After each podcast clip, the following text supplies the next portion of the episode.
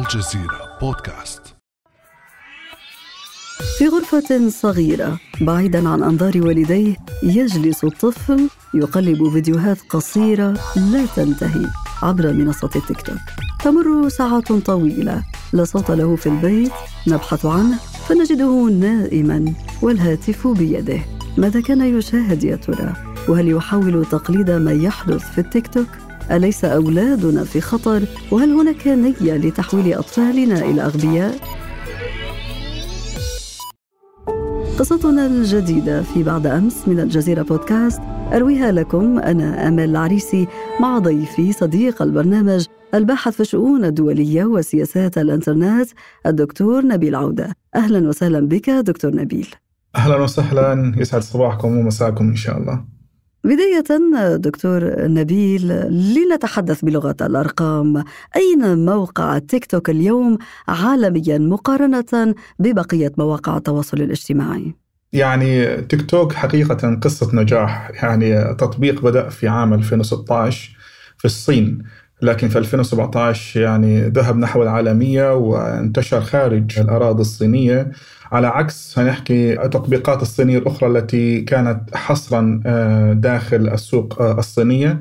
في 2017 آه، انتقل تيك توك إلى العالمية من خلال استحواذه على موقع أمريكي يسمى Musical.ly ولذلك ضم مباشرة ما يقرب من 80 مليون مستخدم في هذه العملية التي كلفت تقريبا مليار. من هذه اللحظة انتقل تيك توك إلى الشهرة بشكل كبير جدا. نحن نتكلم عن 2019 2020 تقريبا. تم تنزيله 693 مليون مرة و850 مليون مرة على التوالي. حسب تقديرات العديد من المواقع. تقريبا نحن نتحدث عن مليار و800 ألف آه، مستخدم.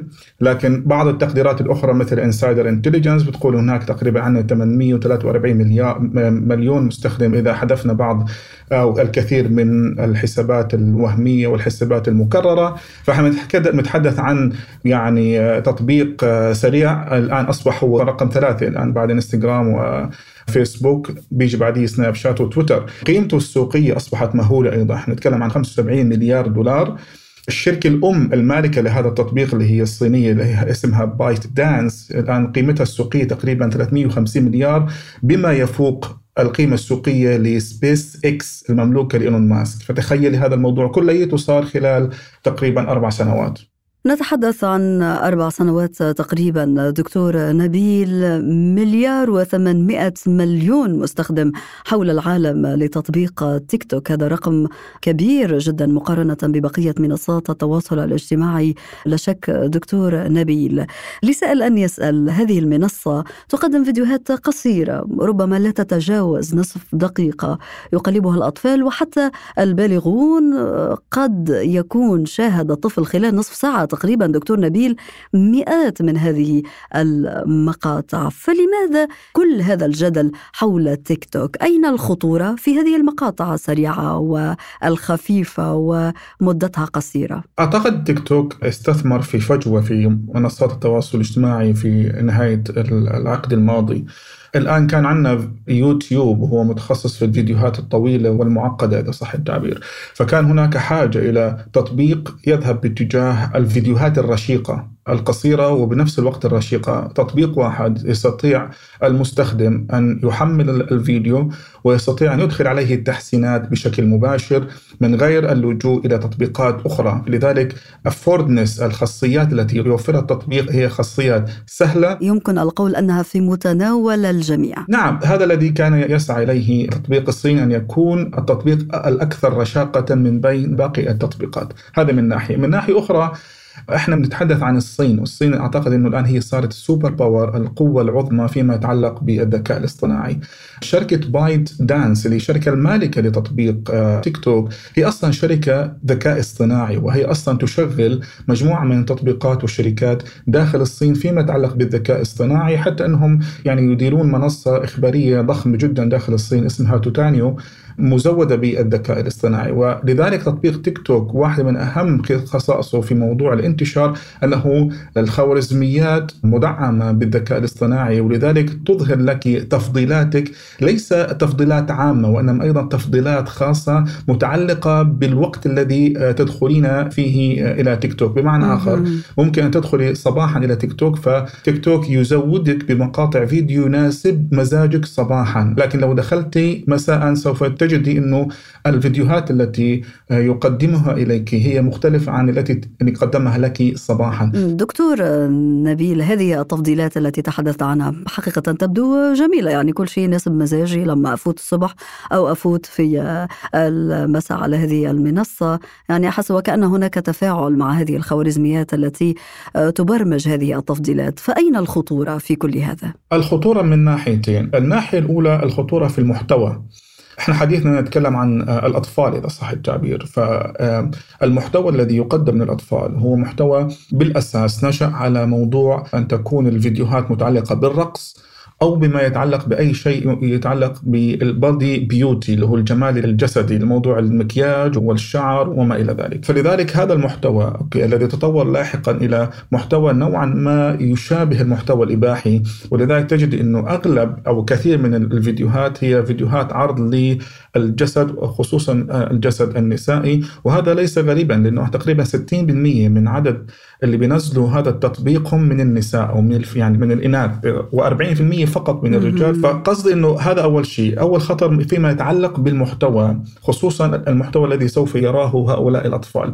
هذا من ناحية. الناحيه أخرى العلاقه بالإدمان الاستمرار على هذا التطبيق. بمعنى البقاء على هذا التطبيق. هذا بالأساس الذي يعني يحاول سواء كان تيك توك ولا غيره من التطبيقات الاستثمار به. لأنه رأس مال هذه التطبيقات سواء كان تيك توك ولا غيرها هو إمكانيتهم وقدرتهم على أن يبقى المستخدم على هذه التطبيقات أكبر قدر ممكن من الوقت، لأنه بناء على هذا الوقت هم يستطيعون أن يدخلوا الأرباح السنوية إلى جيوبهم، لأنه كلما استمريت أكثر آمال على هذا التطبيق كلما حصلوا منك بيانات شخصية سوف يبيعونها للمعلنين من أجل أن يعني يعلنوا عن منتجاتهم، نتحدث عن تطبيق صار تقريبا قيمته السوقية 75 مليار خلال أربع سنوات. بالتالي نحن نحن أمام خطر إنه الأطفال يتعرضون لنوع من السذاجة المربكة وفق ما يقول أحد المتابعين والمختصين في مجال ال social media يقول إنه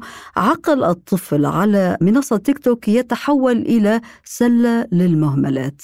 هل توافق ذلك الرأي دكتور نبيل؟ يعني هناك منافسة حادة. فلذلك إذا أخذنا مثلا إنستغرام الذي هو يعني يشابه تيك توك من حيث المحتوى من حيث الانتشار هناك دراسة يعني تسريبات خرجت من داخل الميتافيرس اللي هي الشركة المالكة لإنستغرام تتحدث فيها عن التأثير السلبي لمقاطع إنستغرام على الصحة النفسية للمراهقات تحديدا وأن جزء كبير جدا من المراهقات يصل إلى 70% عبروا عن عدم رضاهم عن أجسادهم بسبب استخدامهم كبير جدا لانستغرام يعني هناك في هذه التطبيقات هناك نوع من تنميط نحو الجسد المثالي أو الشخصية المثالية أو الشخصية المشهورة التي يجب أن يكون عليها هذا الإنسان. ادمانا استخدام التطبيقات بهذه الطريقة خصوصا إنستغرام وتيك توك المتعلقة بالفيديوهات التي تظهر الجسد والتي تحاول تسويق الجسد المثالي وتنميطه تؤثر سلبيا على هؤلاء الأطفال الذين يشعرون بنوع من الضيق والكآبة والانطوائية. إحنا نتحدث عن مشاكل أخرى متعلقة مثلا بمحاولة استخدام هذه التطبيقات للتأثير على هؤلاء الأطفال من خلال تشويه انتماءاتهم تشويه انطباعاتهم عن أنفسهم وعن المجتمعات أو المجتمع الذي يعيشون به. وهذا ما أدى دكتور نبيل إلى عدم قبول الذات وعدم قبول الآخر أو عدم قبول أنفسهم داخل مجتمعاتهم وهذا ما أدى إلى حصول أيضا العديد من حالات الانتحار بسبب مجموعة من التحديات على تيك توك أو بسبب هذه الصور أو ما وصفته أنت حضرتك بتنميط الجسد أو الذات. لكن اللافت دكتور نبيل إنه هناك نسخة أخرى من تيك توك موجودة في الصين وهذه النسخة آه، الموجهة للعالم تختلف عن النسخة الموجودة من تيك توك داخل الصين تختصر فيها البقاء على هذه المنصة على 40 دقيقة فقط في اليوم وتعرض لمن هم أقل من 14 عاما تجارب علمية وفيديوهات وطنية وتعليمية كالجولات في المتاحف وغيره فلماذا نسختان دكتور نبيل؟ طبعا نعم هناك نسختين من تيك توك النسخة العالمية اللي هي معروف بتيك توك والنسخة الصينية المعروفة بدوين بالمناسبة التنتين أطلقوا بنفس الوقت في 2016 النسخة الصينية من تيك توك إذا صح التعبير هي نسخة معنية بنشر المحتوى العلمي اللي هي موضوع له علاقة بالذكاء الاصطناعي له علاقة بالمختبرات بالتجارب العلمية بالزيارات للمصانع فهو محتوى علمي بامتياز وهو فعلا موجه للأطفال آه، الصينيين ولذلك العائلات الصينية غير ملزمة بفلترة أو بوضع فلاتر على محتوى هذا التطبيق لأنه هذا محتوى يتعلق بهذا الموضوع. يبدو انه الصينيين نعم بيخافوا على أولادهم لكن غير هم بخافوش على أولاد العالم لهم مش معنيين بهذا الموضوع لكن هذا بدلنا على عقلية الصين. عذرا على المقاطعة دكتور نبيل لك هذه الجمله حقيقة في الصميم، هم يخافوا على أولادهم وإحنا ما نخافوش على أولادنا؟ تيك توك الموجه لخارج الصين هو محتوى اللي هو المحتوى الترفيهي ولذلك يحتاج إلى نوع من الضبط والفلترة من قبل العائلات من أجل الحفاظ على نحكي السلامة النفسية والسلامة الصحية والسلامة البدنية لأولادهم. ماذا عن منطقتنا العربية ومخاطر هذا التطبيق على أطفالنا؟ آه، شهدنا في الفترة الأخيرة انه الأردن مثلا حظرت هذا التطبيق في عن المستخدمين. خصائص التطبيق الرقمي بما إنه هو عبارة عن شبكة يمكن توظيفه بناء على الحالات الخاصة التي يعيشها المجتمع، لاحظ معي مثلا في إيران، لاحظ معي مثلا في الأردن، تم استخدام هذا التطبيق من أجل الدعوة إلى المظاهرات أو من أجل إظهار ما يجري على أرض الواقع من قمع قوات الأمن وما إلى ذلك، بمعنى آخر إنه إحنا لاحظنا إنه تطبيق تيك توك في عام 2023 2022 يتم استخدامه بنفس الطريقة التي تم استخدام فيها فيسبوك وتويتر عام 2009 و2011 سواء كان في إيران أثناء الثورة الخضراء أو في أثناء الربيع العربي. يعني رغم أنه هذا التطبيق يحث على استخدام المحتوى الترفيهي السخيف ولكنه في بعض الحالات الخاصة بناء على هذه الحالة يتم توظيفه بشكل مختلف تماما لمثلا دعم آه، موقف سياسي أو دعم آه، ثورة معينة أو دعم آه، جهة معارضة معينة. بمعنى أن هذا التطبيق تعرض للحظر ليس بسبب المخاطر التي كنا نتحدث عنها دكتور نبيل المتعلقة بالمحتوى الذي قد يؤدي إلى الأضرار بالأطفال وحياتهم ونظرتهم لذاتهم وكذلك لتكوينهم الفكري ونظرتهم إلى مجتمعاتهم. يعني يتم توظيف هذا التطبيق وفق خيارات سياسية معينة. بالتالي دكتور نبيل هل هناك فرصة للاستفادة من هذا التطبيق في المنطقة العربية على مستوى صناع القرار لتقليل مخاطره؟ أعتقد ممكن من خلال آه، إحداث نوع من الفلترة والمراقبة على محتوى هذا التطبيق لكن أمل المشكلة أين؟ المشكلة أنه باقي التطبيقات أو التطبيقات التي تخرج حديثا هي تسير على هذا النمط وهذا المنوال الخوف من تيك توك أنه أصبح عبارة عن إكزامبل أصبح هو عبارة عن مثل يسعى التطبيقات الأخرى يعني إلى تقليده. يعني لاحظي معي إنه إنستغرام وفيسبوك يحاولوا الآن اللحاق بتيك توك ومحاولة إحداث تغييرات جوهرية في البنية الرقمية لهذه التطبيقات. من أجل اللحاق في بتيك توك. بمعنى آخر إنه هو أصبح النمط السائد. وضع الفلترات وضع المراقبة يمكن أن يخفف من الضرر المحتوى لكن لن يمنعه. للأسف نحن في المنطقة العربية أمل لم نستطع الآن تقديم بديل لهذه التطبيقات. يكون فعلا بديل مقنع ويعبر عن القيم المحلية لمجتمعاتنا. بمعنى آخر أمال أنه هذه التطبيقات بغض النظر إذا كان الصين قاصدة أن تؤذي أطفال العالم أو لا لكن هذه بالأخير هي تعبر عن القيم المحلية لهذه المجتمعات. مثلا تيك توك يعبر نوعا ما عن قيم مثلا الصين انستغرام فيسبوك وغيرها يوتيوب يعبر عن القيم للمجتمعات الغربية. ولذلك إحنا لما نيجي ننتقد مثلا إسرائيل داخل هذه المنصات يتم مثلا الحظرنا. لا يتم حظرنا بناء على إنه إحنا مثلا جهات إرهابية ولكن يتم حظرنا إنه انتقاد إسرائيل في هذه المجتمعات هو مثلا يعبر عن الكراهية وما إلى ذلك. في هذه النقطة بالذات دكتور نبيل ونختم بها نقاشنا حول هذا الموضوع الشائك حقيقه. هو في ظل عجز الدول العربية أو عدم قدرتها على توفير بديل لمنصة كبيرة مثل منصة تيك توك، هل يمكن للمستخدمين العرب إحداث التغيير من داخل هذه المنصة نفسها؟ يعني الآن هناك توجه بعض القنوات العربية أو الجهات العربية إحداث نوع من المحتوى الهادف آه، من خلال هذه المنصات تيك توك وغيرها. ولكن هل هذا يكفي؟ يعني سوف نرى ذلك في الأيام القادمة لكن أعتقد إنه لا يكفي.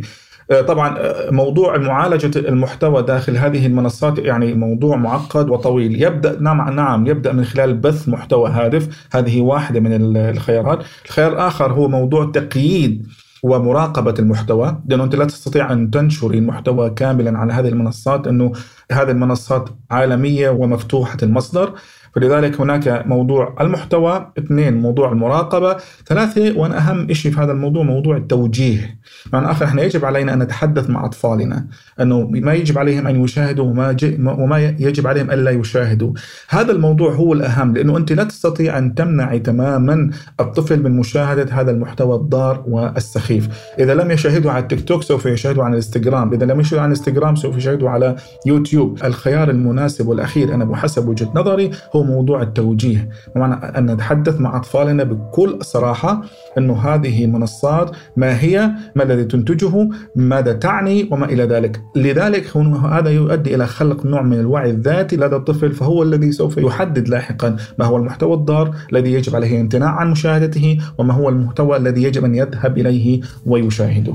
وهذا هو الخيار الأنسب كما ذكر الدكتور نبيل رغم أنها مهمة صعبة خاصة إذا ما تحدثنا عن فئة هي فئة الأطفال مسؤولية كبيرة طبعا آه، على عاتق الأولياء في مرحلة أولى وعلى المجتمعات خاصة في منطقتنا العربية في مرحلة ثانية. الباحث في الشؤون الدولية وسياسات الإنترنت الدكتور نبيل عودة شكرا جزيلا لك على هذه الحلقة المفيدة والممتعة. شكرا جزيلا لكم جميعا. كان هذا بعد أمس.